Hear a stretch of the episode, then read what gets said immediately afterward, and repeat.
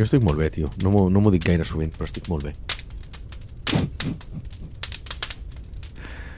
Espero que aquests 5 minuts de retras que m'has donat 15. 15, no 5, tio. No, no, no. Martimo, he arribat 15 minuts tard avui.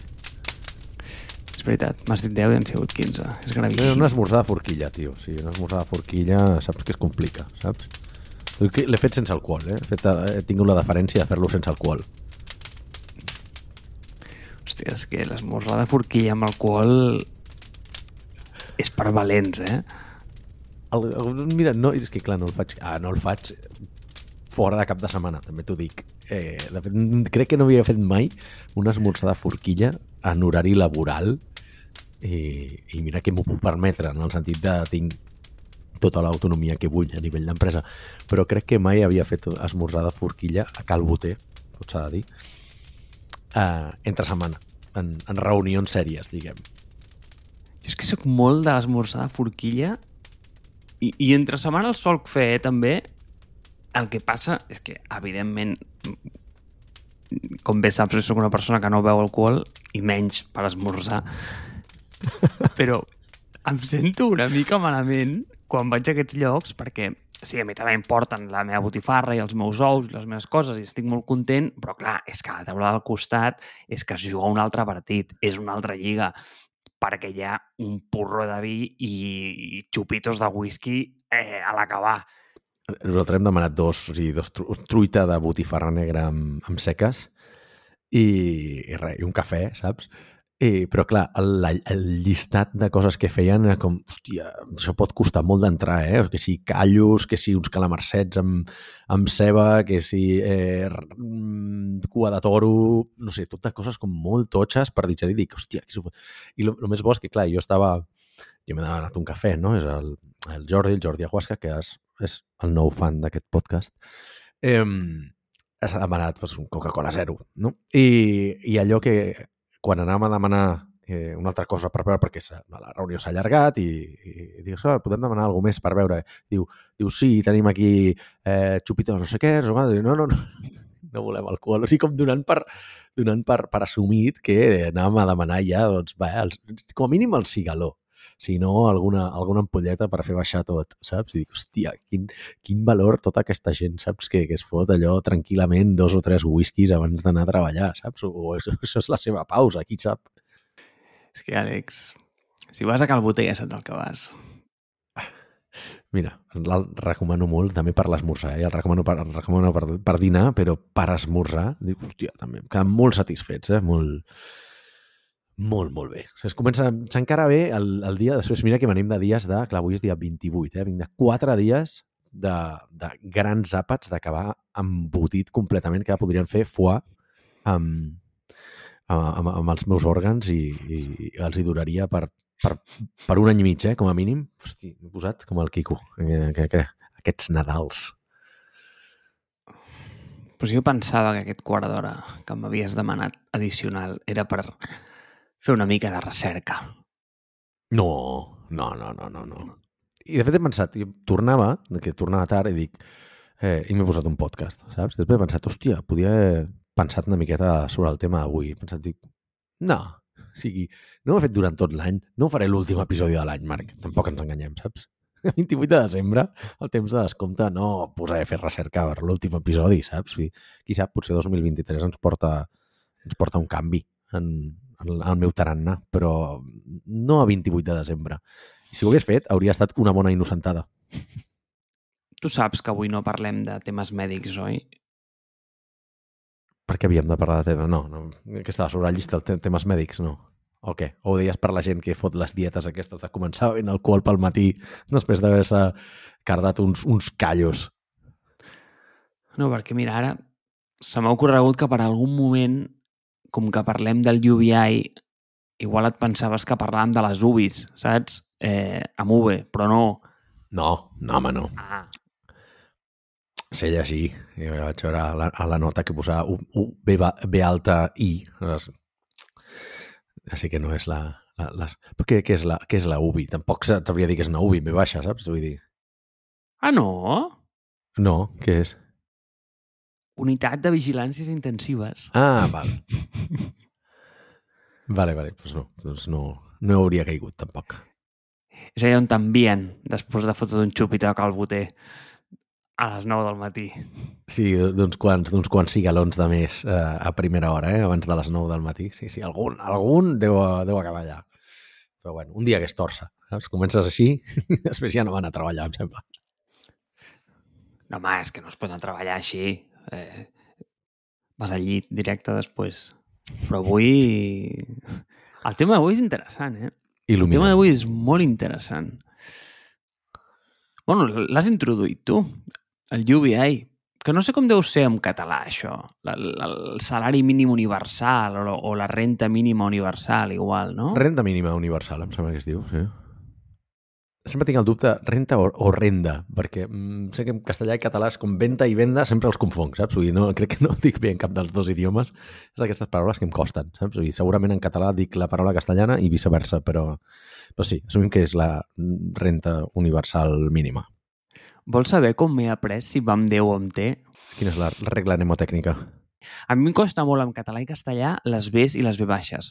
Perquè no som de Concepte Girona, bàsicament. Exacte. I em costa perquè em, eh, coses que en català són mòbil i mòbil, a vegades Sí. penso en castellà el concepte eh, també automòbil, coses d'aquest tipus, no? Però una que em costava molt era prova i prova, o sigui, el concepte provar. Mai sabia si provar i, de fet, gravar Gravar, aquest és el que no sé jo. Aquest sempre Ah. evito escriure'l perquè no el sé. O sigui, no sé quina va amb B baixa i quina va amb B alta. Gravar. Sí, Clar, si, però si el saps, aquest- il·lumina'm, perquè aquest no el sé. Els altres el sé, eh? però gravar no. Si gravar Aquest no la- el sé. l'evites escriure, però és inevitable, perquè tu i jo aquesta paraula la diem molt. Pots dir, no, és que nosaltres enregistrem i ja està. I així t'has evitat escriure gravar. Però en castellà, no, saps? En castellà dic, Vale, no, va. hacemos el podcast. pues, Vale. eh, va, i tanquem aquesta secció, però et vaig a il·luminar, vale? perquè això és, Va. és molt útil, és molt útil. I més per gent que ve del, de, de, del món tech. Escolta, escolta, jo tenia molts problemes en provar i provar. Provar i provar. Sí. Fins que un, has de pensar en algú castellano parlant, vale? i et diu, perquè provar va com ve de beta. Perquè què fas tu quan proves? Tio, proves alguna no? Proves una beta, no? Llavors, tio, pues provar va com ve de beta. Llavors, ja, ja se'n va quedar per sempre. Ja, provar és com ve de beta. Val, però jo és en català. En B baixa, provar. Clar, en català és tot el contrari, sempre. Ah, No val, val, ja està. Val. Clar, tu has de pensar com amb el- amb el- amb Però també podries dir aquest. provar va amb B de beta. Vull dir, no ho sé, no, em, em sembla una regla de merda, també t'ho dic. No, no, a mi no em soluciona res. Podies pensar-ho en, en català, no? A veure, burro, en català no, no funciona, perquè no va Per amb ve no? de beta. No, clar, però vull dir que podies pensar, dic, no, en català, provar amb B de beta. Ja està, saps? Vull dir, no. O sigui, T'has de recordar que ho has de pensar en castellà. No sé si m'explico. Provar va com B de beta. Vale, sí, perquè te'n recordes de la frase i la frase està en castellà. Però podries construir la mateixa frase en català i acabaries pensant que provar va amb B alta. I no, eh, no sé, no funciona. Ah, dir, Pensava que anaves a dir alguna cosa, no sé, saps? Vull dir, com més de... Pensa que ve de no sé què, saps? Vull dir, ja se m'ha acudit que igual la venta i venda, clar, si en castellà és venta, pots pensar la plaça de toros de les ventes i dius, vale, doncs venta, en, en castellà va amb T i en català és la venda, no? Podria pensar, saps? Vull dir, alguna cosa d'aquestes, però no amb una frase que funciona amb els dos idiomes, capullo. És que realment... en fi, va, anem a, anem a, parlar, anem a parlar del tema perquè veiem que això, mm, com sempre, no ens en sortirem en temes de lingüística. No ens guanyarem la vida. A veure que no ens treguin, no ens treguin subvencions, eh? Sisplau, que apoyem el català, eh, encara que sigui destrossant-lo cada dia. Però... En, encara que ens inventem paraules, exacte. Exacte. Doncs vinga, renda El tem- mínima tema universal. Renda mínima universal. Aquest tema és interessantíssim. Perquè és que jo crec que la gent el veu a prop, però jo crec que això ja està passant. A què ens referim per la renda mínima universal? Si vols posar-ho com, un- com d'una manera molt tonta i igual molt simplista, és possiblement fa 50 anys tots ens pensàvem que la productivitat ens donaria més hores per ser ociosos i per rascar-nos les pilotes mentre els robots fan la feina i d'alguna manera ells generen el PIB del país i tu pots estar a les 9 del matí a Calboter menjant uns ous estrellats amb botifarra molt tranquil. En canvi, a pesar de que ara ja no és de rentar la roba, rentar els plats, mm, tens un ordinador que té més poder computacional que tota la humanitat combinada, treballes més hores que mai. I dius, a veure, per què? Com pot ser això? Però, per altra banda, també és cert que la societat està absolutament trencada, la classe mitja ha desaparegut, cada vegada hi ha més, el poder s'acumula als extrems i es polaritza i la part del mig. I, i passa amb tot, eh? Vull dir, mm, jo crec que al final això és una dinàmica d'internet. És a dir, que aguditza molt els extrems no? i polaritza molt les, eh, les coses, genera molt aquesta, aquesta dualitat. I per altra banda, cada vegada més, i aquest és el punt que a mi més, més interessant em sembla, eh? a veure què en penses, els diners Eh, no es generen a base de rentes, sinó que es generen a base d'acumulació de capital. I quan dic rentes, vull dir rentes del treball. Sinó que cada vegada els diners venen més de la mà de tenir actius de valor que generen rendiments que no pas de gent que està posant les seves hores a canvi de temps. Perquè aquests, per lo general, acaben sent automatitzats, agradin o no, en canvi, els altres... Bàsicament és allò del el que sempre comentem, el Mateu 25-29, no? O sigui que mm, més pels que més tenen i menys pels que menys tenen. I aquest home, el senyor Mateu, que va dir això, no ho sé, si ho va dir, si, la, si està guardat de la Bíblia, ho va dir a l'època de Crist, o sigui, fa molts anys ja. Ja ho va veure. Mateu ja sabia de la renta universal a veure, eh, era un anticipat molt al seu temps, era un visionari. I, i clar, llavors, eh, veient aquest, aquest escenari que tenim ara, no el de Mateu, el de dia d'avui, on cada vegada més la riquesa s'acumula als extrems, el trencament de la, de, la, de, de la classe mitja, que el treball cada vegada et porta menys a la riquesa i a l'estabilitat i ja no és possible obrir una carnisseria i tenir una bona vida com abans, diguem, i ho podem sortir al carrer i en som tots testimonis, es posa sobre la taula aquest debat de, bueno, què passa si donem un salari garantit a tota la població? I aquest és el concepte de renta mínima universal. No sé si he fet un bon servei o no eh, a, a l'explicació. No sé, Àlex, com, com ho has vist, més o menys? Ho has explicat molt bé i hi ha un, un parell de coses que has dit que són molt interessants. Una és el tema de per què si estem automatitzant cada cop més les nostres vides tenim menys temps que mai. Val? Això s'explica una miqueta pel principi de l'addicció. Tu no sé si ho saps que una de les maneres més efectives de tractar una addicció és canviant-la per una altra. Johan Cruyff, quan va tenir els problemes de cor, i una persona que fumava molt, era coneguda per fumar durant els partits de futbol, pràcticament, doncs eh, li van aconseguir treure l'addicció al tabac donant-li els xupa-xups, i d'aquí la campanya aquella tan famosa de xupa-xups amb Johan Cruyff, no? I normalment això sol passar amb la gent que té comportament addictiu, no? que aconsegueixen treure-li una addicció però li fiquen una altra. Gent que probablement ha tingut una, una addicció al, a les apostes, al gambling o als videojocs, pot acabar convertint-se després en una persona que tingui addicció a la feina o a, doncs, en tema drogues, no? o, o inclús a, a les relacions o al sexe, el que sigui. No? Vull dir, jo ho veig que a mesura que el que dius tu, no? Hòstia, et compres com un robotet per automatitzar una part de la teva feina, després part d'aquesta feina es converteix en mantenir aquest robotet i tenir-lo bé. I, I si ho fas bé, és un, i si és un robot més o menys de qualitat, és una cosa que realment s'hi redueix, no? Redueix les teves obligacions. És a dir, per fer la bugada a, a mà, t'hi hauries de passar hores, mentre que ara per posar una rentadora, hòstia, sí, dona molt per sac haver de pensar, ai, he de fer la rentadora, de separar per colors, no sé què, i després m'he de recordar treure'la al cap d'una hora, dues hores, i l'he d'estendre, després, ojo, que no l'estengui fora perquè plou. Però és molt millor, és 10 cops millor que fer-ho a mà. Val? Per tant, millor. El que t'has d'encarregar és que la rentadora, o sigui, que tu no siguis un maldestre amb aquestes coses i que l'altra que la rentadora sigui mínimament bona perquè si et porta més temps reparar-la, eh, no has guanyat gaire. M'explico. El contraexemple és quan a, a mi fa uns anys em van deixar una bicicleta, val? un anterior company de pis em va deixar una bici i vaig dir, hòstia, millora la meva vida, no? O sigui, doncs, mm, redueixo despesa en, en, en transport públic, en taxis, vaig més, o sigui, veig més la llum del sol, eh, faig una miqueta d'exercici, però aquella puta bici era un desastre. Vull dir, era la típica bici que cada setmana, cada setmana, havia de comprar-li o eh, una càmera d'aire nova o els frens eh, sortien o no sé què o no sé quantos, l'havia portat al mecànic cada dos per tres i dius, estava invertint molt més en aquella bici que el, el benefici que em donava. Per tant, aquí s'estava fent malament.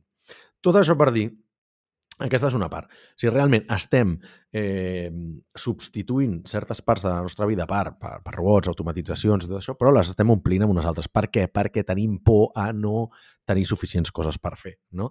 Aleshores, per això dius, hòstia, tot el temps que alliberes d'una cosa, al final l'acabes omplint amb una altra. Val? I això es veu en èpoques i societats d'abundància. Per exemple, jo quan parlo molt amb, amb la gent, com bé saps, no? o sigui, jo passo unes setmanes a l'any sempre a San Francisco, i allà una, una de les coses que sento més recurrentment és tinc més pasta de la que mm, em puc gastar.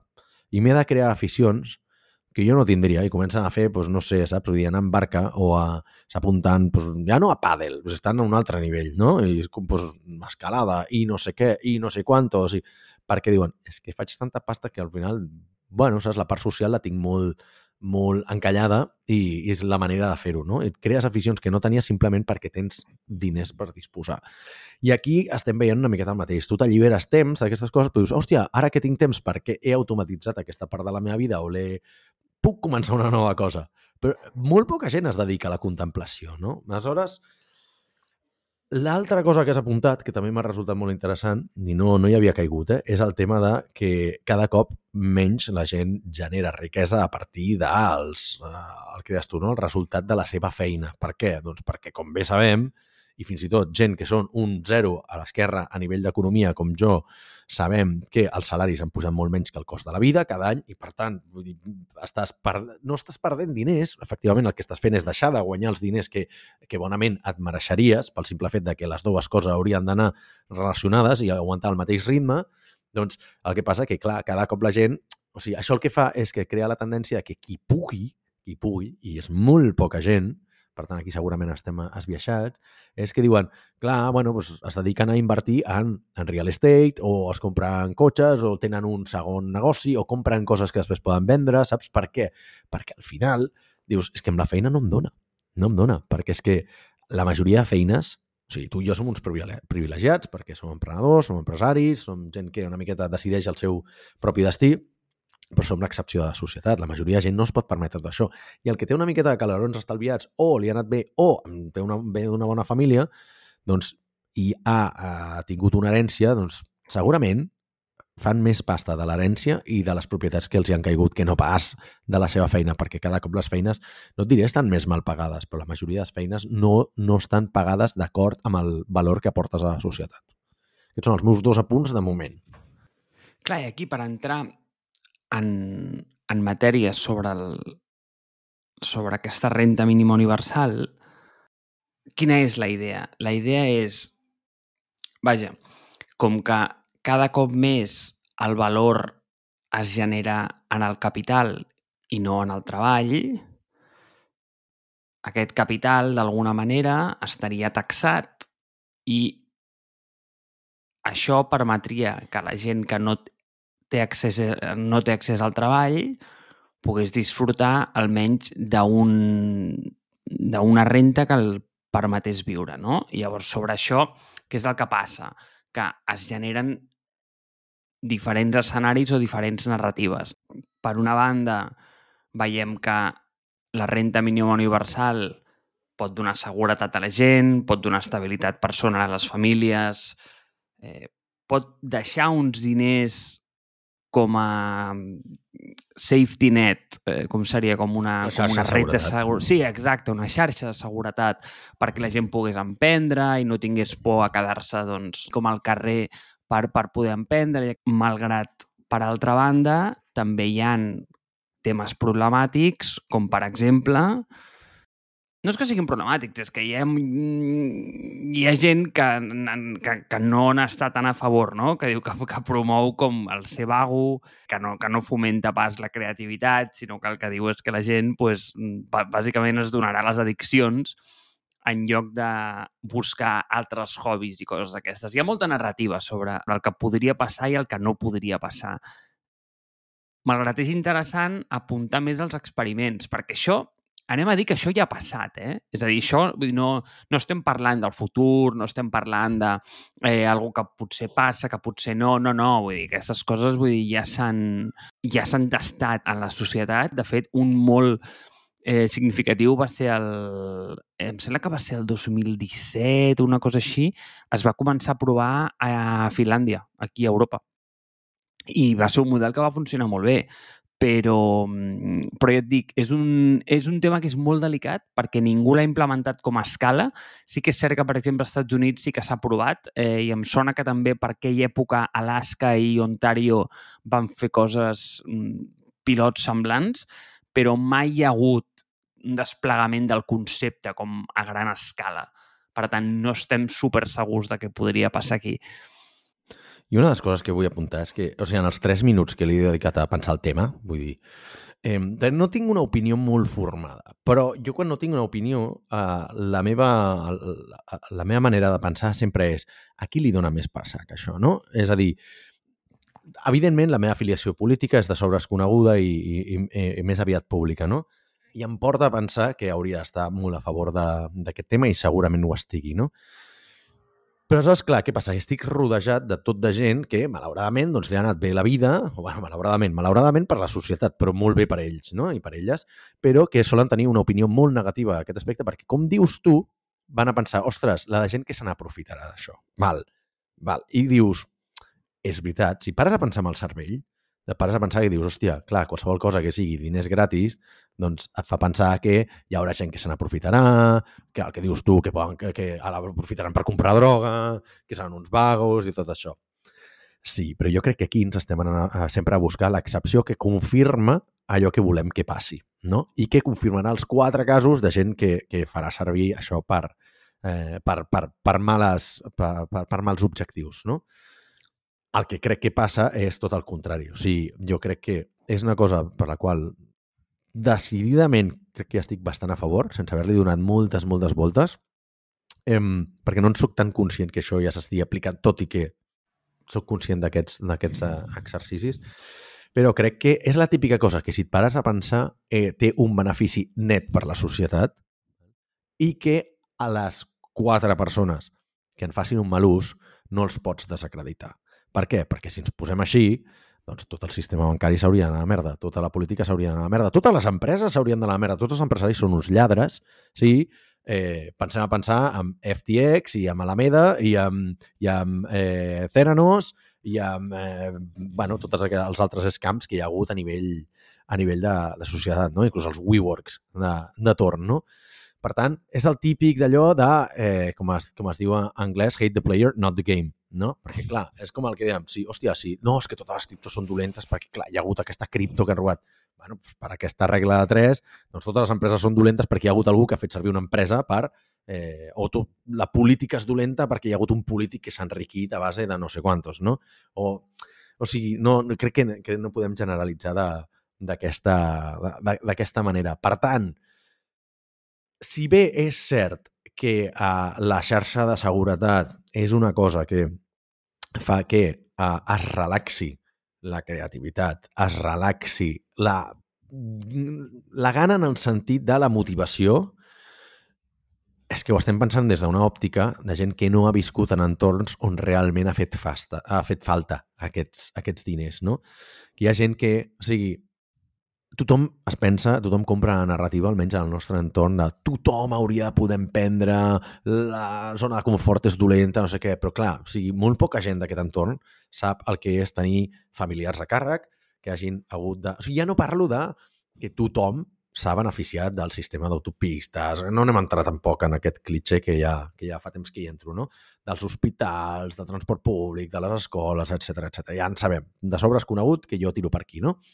Però, d'altra banda, crec que no hi ha ningú en aquest entorn que hagi tingut familiars a càrrec que no els hi han donat la pensió, que no els hi han donat la beca menjador, que no no es poden permetre emprendre, no perquè no tinguin els diners, sinó perquè no tenen el temps, o perquè no volen, o perquè és que realment la vida d'algun familiar proper depèn directament d'aquesta persona. Per tant, crec que seria un error pensant que tothom ha d'emprendre, tothom ha de prendre riscos. Jo aquesta, aquesta narrativa no la compro i, i per això crec que cada cop estic més a favor de la renta mínima universal, també perquè dona per sac a la gent de dalt, perquè van a buscar això. O sigui, van a buscar desacreditar-la perquè quatre persones en facin un mal ús. No? Aleshores, bueno, és, el, és el mateix argument donat la volta al de cripto només serveix per comprar droga. O eh, els empresaris són uns explotadors. És que no ho sé, saps? Vull dir, aquest tipus de generalitzacions no les compro. També et diré, eh, segurament és la típica cosa que a, a curt plaç té un efecte molt diferent que a llarg plaç. Val? És a dir, a curt plaç tothom busca beneficiar-se d'aquest tipus de coses. I no només se'n beneficiarà o, o, o, o, o, o faran un mal ús d'això als individus que, doncs sí, segurament eh, demanaran la subvenció i falsificaran coses i, i serà una persona que dedicarà a comprar-se crack amb aquesta pasta, evidentment, però serà la immensa minoria. O sigui, seria una cosa molt, molt, molt específica però et diré que segurament també surten empreses que es dediquen a, a desfalcar aquest tipus d'iniciatives i amb el d'allò de ja t'ho gestionem nosaltres acaben traient una, una, una tallada d'això, no? Vull dir que al final el que en faran mal ús seran tant els individus com, com les empreses. Però d'altra banda penso que a llarg plaç és la típica cosa que, clar, nosaltres no estem preparats per assumir aquest tipus de, aquest canvi de societat que és tan heavy en el que no t'hauràs de preocupar per treballar i que segurament, segurament, eh, arribis a millorar tal, o sigui, arribes a elevar tant el nivell de la qualitat de vida d'una societat que ja no ha de tenir la necessitat de, digue-li, de, de robar, de delinquir, de pensar en com eh, fer trampes al sistema, d'emigrar, d'haver de, de fer feines en, en brut, etc etc. No arribarem al nivell d'eliminar-ho, però ja només per per reduir-ho d'una manera molt significativa estarem en un lloc molt millor com a societat. Quin és el problema que li veig d'això? Després d'aquesta xapa ara em diràs, eh, i, i, i vull saber una miqueta la teva opinió, eh? el problema és que això, segons el meu punt de vista, s'hauria d'aplicar a tot el món al mateix temps, per la qual crec que és impossible. Per què? És una miqueta per què no funcionen sistemes alternatius al capitalisme. És perquè en el moment en què en surti un, tota la resta del món dirà mm, no ens interessa, no anem a incentivar-ho, no, fem, no fem comerç amb aquest altre país que està provant una cosa nova, el capitalisme. Per tant, uh, veus? No funciona. Per què? Perquè, perquè bueno, al final és l'únic i no, no goza d'una economia d'escala. No sé si aplicant-ho això país per país, potser és diferent, potser estic fotent cagades molt, molt bàsiques, eh? però potser aplicant-ho a només un país no et serveix, perquè en el moment en què hi ha un altre país on això no funciona, potser el que estàs fomentant és que gent més desfavorida a països mmm, veïns doncs vinguin aquí, es puguin aprofitar o, o, o demanar aquest tipus d'ajudes i aleshores acabaríem generant un altre problema que és el problema del un altre problema que és el sistema endèmicament racista de dir, ostres, que ve la gent de fora i s'aprofita de subvencions, que al final tots sabem que és una cosa que no funciona així i que és més que fals. Eh, però però la narrativa està allà fora. Per què? Perquè al final els que dominen una miqueta el cotarro de tot això i tenen més difusió, doncs tenen la veu cantant i els hi és més fàcil distribuir aquest tipus de, de mentides. Per això ho veig, ho veig complicadet. O sigui, crec que és una cosa que, evidentment, algú ha de prendre iniciativa i, i que el matrimoni gay doncs, sigui una cosa que va començar en un país després va començar a expandir ràpidament amb un efecte dominó i, i, i tots n'hem sortit eh, guanyant d'això, M'agradaria que fos així. O sigui, M'agradaria que si això s'implementa a un país, que es comenci a implementar en l'arc de 12 mesos una gran majoria de països um, ja no que s'ho puguin permetre, sinó que realment creguin en el projecte, estiguin disposats a anar a això um, a muerte, o sigui, no a, a dir anem a fer una prova de sis mesos a veure què passa, que, que creïn l'exemple perquè tothom, o sigui, amb efecte cascada, ho acabi implementant la resta del, la resta del planeta, menys els quatre països de xalats que hi ha, que hi ha per allà, eh? que estem, que estem molt, molt d'acord que sempre existiran. Però no ho sé si... Amb... O sigui, tinc por que un exemple mal portat on un país on, clar, potser no ha gosat de l'economia d'escala que necessitava perquè això funcionés bé, acabi desacreditant aquesta iniciativa perquè tothom la veu com, ah, mira, és que es va, ja es va provar i va fallar. Cosa que em porta a la següent pregunta, que és I d'on surten els calés? Però tots sabem d'on surten, no? És a dir, jo no crec... Ah, aquí, i ara aquí fotré la pota 15 cops, si vols, eh? Segur que és pregunta trampa, cabron. Però eh, jo crec que hi ha suficient... O sigui, un, un dels problemes principals, també, i això ja saps que sóc un, una persona que està sempre demanant que hauríem de pagar més impostos, no menys. Per què? Perquè jo crec en una visió a llarg plaç de la societat. No penso en jo, jo, jo. Evidentment que a mi em beneficiaria pensar, a pagar menys impostos perquè, doncs perquè sóc egoista, com la majoria de gent que està en aquest sector i que pensen que diuen no, és que vull pagar menys impostos perquè a mi em roben i no sé què. Però després ve que vols aprofitar-te de, del sistema. Jo penso a llarg plaç. Crec que tota la inversió que fem a, a, en, en, en estructura pública és una cosa que és molt necessària perquè tu i jo estem fent servir estructura pública en la qual es va invertir fa desenes d'anys. val? I que segurament que si la gent hagués dit no, no, no invertim en això, tu i jo ara no estaríem aquí. Dit això, dit això, eh, l'altra cosa que, per exemple, a mi em rebenta molt del discurs de tema d'impostos és la gent que diu és que jo els invertiria diferent. És, bueno, a veure, doncs fes-ho. Si no formes, no formes part de la solució, formes part del problema. Jo estic d'acord que s'hauria de reinventar una part del tema de la redistribució de la inversió que fem nosaltres en la, a les arques de l'Estat. És a dir, d'alguna manera, eh, ja hi ha la tecnologia, ja hi ha una miqueta el coneixement i els, els mètodes per poder aplicar una distribució més líquida dels nostres impostos. M'explico. Fins ara l'únic que pots fer és dir que no vols donar diners a l'Església val? quan has de fer la declaració de renta. Val? I ho has de fer fins, fins, o fins fa poc, fins que jo controlava, fins que la feia manualment, ho havies de dir tu manualment perquè estaves... No era un opt-in, era un opt-out. O sigui, tu per defecte anava pasta teva a l'Església, val? i després podies dedicar-ho a, a, a, a, a caires més socials. I és l'única cosa en la qual tens un dret a decidir. És a dir, jo crec que hi hauria d'haver-hi alguna manera, sense entrar en d'allò de jo vull decidir on van perquè no vull que creï més ambaixades eh, de no sé què a Catalunya i, i no vull pagar més mm, artistes que no foten res. Imbècil, val? O sigui, imbècil. Val? Però és veritat que sí que hauria d'haver-hi alguna manera de dir, ostres, donar més visibilitat o donar més participació ciutadana al respecte. És a dir, ja hi ha plataformes, a Barcelona hi ha el Decidim Barcelona, per exemple, que és una plataforma que es dona veu de ciutadania i tu pots dir, escolta, hi ha aquests projectes de eh, on voldries que l'Ajuntament dediqués més esforços. Potser, potser, les, la, les entitats a nivell estatal, que al final la recaudació és estatal, haurien de fer algun tipus de plataforma per qui vulgui una part dels impostos, no tots, perquè jo no crec que els empresaris sàpiguen gestionar impostos millor que els polítics, els polítics ho fan molt malament, però els empresaris ho farien igual de malament, si no pitjor. Val? Eh, es pugui dir aquesta part podem decidir o podem opinar sobre cap a on hauria d'anar.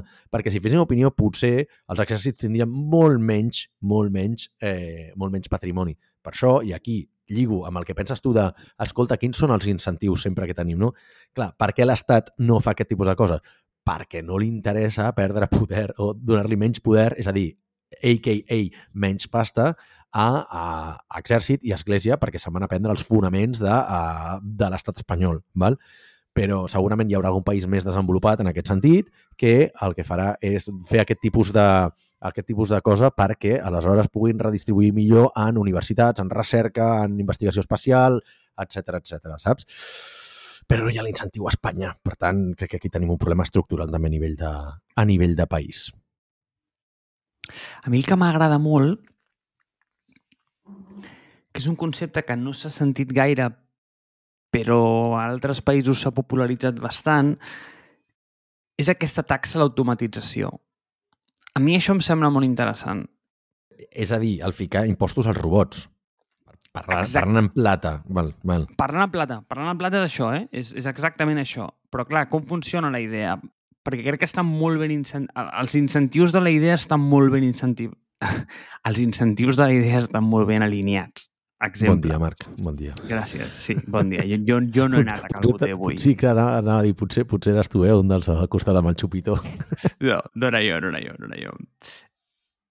Però què és el que passa? Fixa't, és que és interessant aquest concepte, perquè a més capital s'acumula als extrems i a la propietat d'actius, que no en el propi treball, significa que cada vegada hi ha menys gent treballant.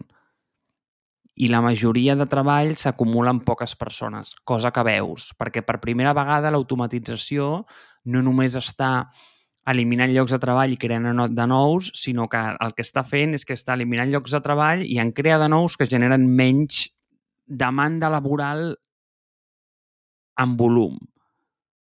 Exemple, el que sempre explicàvem allò de les pomes, no? Tu tenies un camp amb molts pagesos que cultivaven aquell camp, en canvi ara la màquina que passa per allà només requereix d'un enginyer de software que la programa i l'automatitza, no? I també es fa molt difícil entendre que, a veure, el salt que hi havia de ser granger a la revolució industrial, igual entrenar un granger a que sapigués posar tornillos no era complicat. Però el senyor que posa tornillos, igual explicar-li intel·ligència artificial és més difícil. Llavors, hi ha aquests dos salts que ho fan delicat, no? Llavors, què és el que proposen? I aquest tema és curiós, eh? perquè han saltat gent molt popular. El nostre amic Elon Musk eh, va, va, va tenir aquí un, un punt sobre aquest tema. Andrew Yang, el, el candidat que es va presentar contra Trump, no sé si el recordes, el 2016, em sembla, també sí, amb, sí, ho va comentar. És, eh, Bill Gates s'ha pronunciat sobre aquest tema, el, el físic Stephen Hawking també es va pronunciar sobre aquest tema en el seu dia, i és el de, mira, doncs, si tu d'alguna manera com a empresa, perquè els diners han de sortir d'on es genera el capital, que són de les, de les companyies, el que estàs fent és que estàs automatitzant la teva cadena de valor, per tant, no estàs pagant salaris, els empleats no se't posen malalts, etc, etc, etc. El que fem com a societat és que taxem aquesta idea o aquest concepte i els diners de la renta universal venen de la mà i incrementen a mesura que la societat s'està automatitzant. Per tant, què és el que passa? A mesura que tu estàs eliminant llocs de feina, el que també estàs fent és que estàs generant una bossa de capital per poder inflar i per poder proveir a la gent que d'alguna manera no té accés a la feina. Llavors, aquesta gent té una xarxa de seguretat perquè pugui emprendre, sabent que no es quedarà mm, sense feina i sense salut i sense educació, etc etc i els seus fills podran anar a l'escola i d'altra banda donarà una estabilitat i una coherència a la societat molt gran. Però, clar, és el que tu dius, no? Vull dir, és una implementació global, perquè, a més, mm, que has d'entendre quan significa cada una d'aquestes rentes en cada país. Perquè, clar, una renta universal a Marrakeix no és la mateixa que la renta universal que necessites per Ginebra, perquè els costs de la vida a un lloc i a l'altre no és el mateix, malgrat també el PIB per càpita d'un país no és el mateix que l'altre. Per tant, són temes delicats, perquè la, la implementació transversal d'aquest tema és complicada, però estic d'acord amb tu. No, que dic que hi ha moltes fal·làcies aquí, perquè jo crec que es dona per assumides moltes coses, donen per certes moltes coses que segurament no seran veritat. És a dir, si tu pares a pensar que aquest sistema funcionarà en la mesura en la que no tots els treballadors deixin de eh, que generar impostos perquè deixen de treballar i passen a ser completament deficitaris, tothom ho redueix a l'absurd, no? Diu, ah, és que clar, què passa si tothom deixem de treballar i llavors passem a ser tots deficitaris? Això no passarà. O sigui, la gent no deixarà de treballar perquè hi hagi això. Deixarà de treballar alguna gent, deixaran de fer feines de merda. Però, Marc, tu i jo no ens, no ens dedicarem a, a, a beneficiar-nos d'aquesta iniciativa. No? La majoria de gent que coneixem no farà això. O sigui, el que farà és que gent que mm, no hauria de treballar o que treballa forçadament o que té unes condicions horrendes, doncs segurament es pot acollir aquest tipus de, de coses que no li millora la vida a molta gent de la societat, li millora la vida a la gent que realment ho necessita i que està molt desesperada. Per tant, per mi això ja em surt a compte. L'altra cosa és que una altra, una altra cosa que, que, que veig que és molt difícil és que el tema de taxar el, els robots, no? Perquè on comença un robot i on acaba? És a dir, podries dir, no, home, clar, un robot són els que pues, Amazon té per fer la seva cadena de distribució i tot això. Ja, però hi ha moltes empreses i tu també ho saps, que funciona amb algoritmes o amb el que se'n diuen els, eh, les background jobs, no? O sigui que en realitat tu pots dir tu podries definir com que un robot és un algoritme que es dedica a fer doncs, l'automatització dels correus de, o de contactar gent per LinkedIn per fer-los entrar al teu funnel de màrqueting i això podria ser considerat un robot, una feina que perfectament podria, ser una, podria fer una persona, però tu decideixes automatitzar-la, no? Tens un assistent virtual, tens eh, drons per fer delivery, tens... Ja no em refereixo només hardware, tens certes coses que són robots, que són software, val? O sigui, famosament, el col·lega, el Peter Levels, el de Nomad List i, i tots aquests projectes, eh, Remote Job, Remote OK, etc etc, és un tio que diu, soc jo sol, té una, una assistenta personal i després té, eh, a tots els seus projectes, diu, jo tinc com 200 robots que fan la meva feina, val? que fan la feina i que el que se dediquen és enviar correus, enviar notificacions, eh, eliminar spam, el que sigui, però tot ho té automatitzadíssim. Això també seria taxable? Si és que sí, com els declares? Quan els declares? A partir de quin cert volum? Eh, clar, el no ser hardware és més difícil de, més difícil de... Bueno, o sigui, és més fàcil d'amagar, no? O sigui, al final tu van a una, a, una, a la teva fàbrica i es comencen a comptar els robots físics que hi han, et sortirà un número. Si comptes el, el software que tens, et sortirà un altre molt, molt, més, molt més disparatat, no? Com ho comptem, això? O sigui, realment se'ns ve a sobre una esllavissada de, de canvis i de coses que segurament els advocats que tenim avui en dia no estan preparats. El sistema no està preparat, t'ho dic jo. I les regles de joc no estan gens preparades per, per aplicar tot això. O sigui, hi ha moltes més dificultats que facilitats a l'hora d'implementar aquest canvi. Per tant, no ho sé, tio, o sigui, és que jo ho veig molt negre, tot això, eh? O sigui, ho veig molt negre. Tan negre com que mai més ho veurem, tu i jo? És a dir, ho veurem... Jo crec que veurem, però segurament una versió més soft, eh? Voldria equivocar-me. Però, al final, això no deixa de ser una versió més extesa de, uh, de certs mecanismes que tenen països i faré servir el terme incorrecte eh, impopular, de més desenvolupats, més desenvolupats a nivell de societat que, que nosaltres. Segurament, segurament no ens hem de, de comparar, eh? però hi ha molts països en el que es diu, o sigui, per exemple, Alemanya, eh, diuen, és un país que no et deixa ser pobre, no et permet ser pobre. Val? Que evidentment tens indigència i tens certs problemes socials i tot això, sí, però el, els ràtios són molt més baixos. Sí, Alemanya és un país que fa per activa i per passiva coses perquè la gent no caigui per sota del llindar de la pobresa. Val? Països nòrdics, tres quarts del mateix. Tenen altres tipus de problemes? També, també, i no entrarem aquí a, a discutir-los. Però hi ha països que, oh, per exemple, Estats, famosament, Estats Units, és, és el teu puto problema si caus. Els Estats Units és un país que no et vindrà a, a donar-te la mà si tu et caus. Prens una mala decisió, estàs fora de la societat. Val? tens una apendicitis i estàs fora de la societat. Val? I a vegades o sigui, no és una mala decisió, és que estan mal dissenyats com a país. No?